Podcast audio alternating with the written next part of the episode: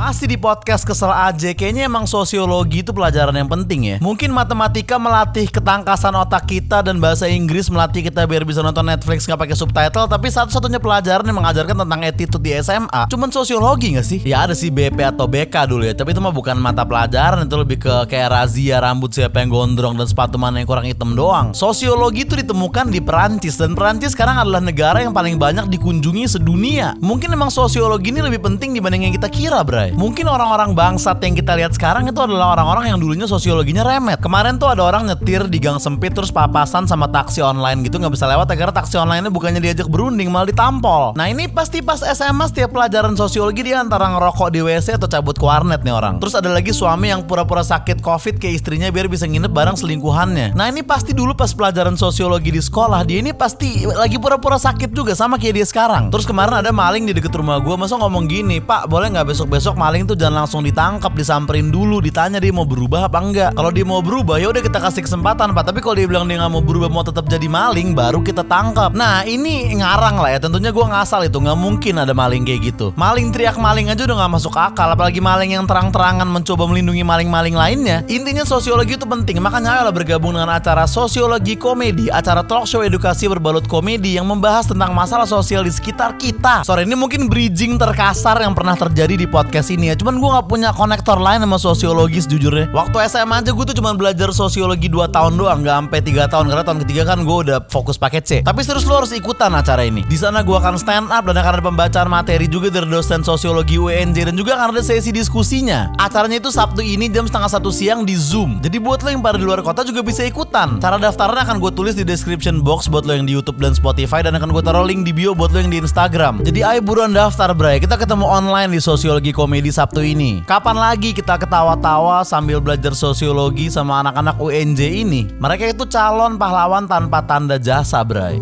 Lebih terhormat menurut gue daripada calon menantu idaman.